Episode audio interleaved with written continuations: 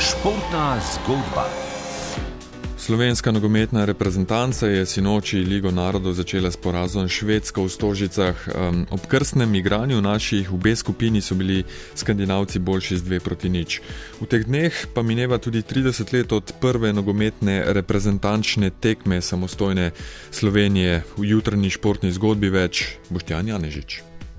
Pred sinočno tekmo so bila pričakovanja v slovenski izbrani vrsti kar visoka, ne glede na prej neprepričljive zadnje kvalifikacije za svetovno prvenstvo v Katarju.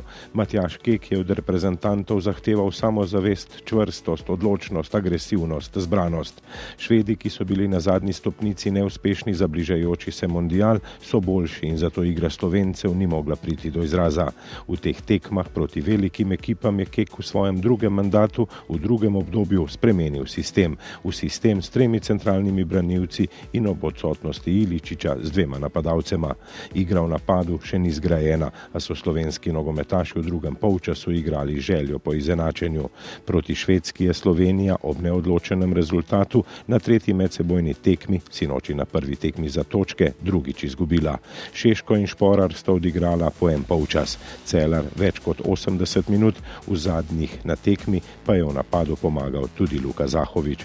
Ravno pred 20 leti pa je bil v glavni vlogi njegov oče, ko se je na mondialu v Južni Koreji sprl s takratnim selektorjem Katancem.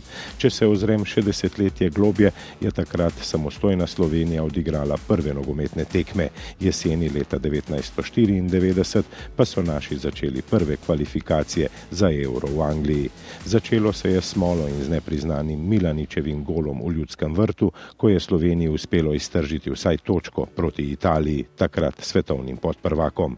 Kasneje je Slovenija igrala na dveh svetovnih prvenstvih in enem evropskem z dvema različnima generacijama. Na zadnje se ji pred sedmimi leti ni uspelo iz dodatnih kvalifikacij uvrstiti na Euro v Franciji. Od zadnjega velikega tekmovanja slovensko reprezentanco pa v teh dneh mineva že dolgih 12 let. Skoraj vse od tedaj pa naša izbrana vrsta išče identiteto, išče generacijo za preboj na veliko tekmovanje. Selektor Matjaš Kek išče in išče karakterje, ki bi spet dvignili reprezentančni nogomet. Včeraj so bili 5000 glava množica navijačev v stožicah kar glasni.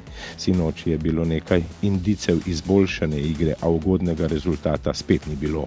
Nova naslednja priložnost bo že v nedeljo v Beogradu. Tudi Srbi pa so sinoči doma izgubili proti Skandinavcem, proti Norvežanom.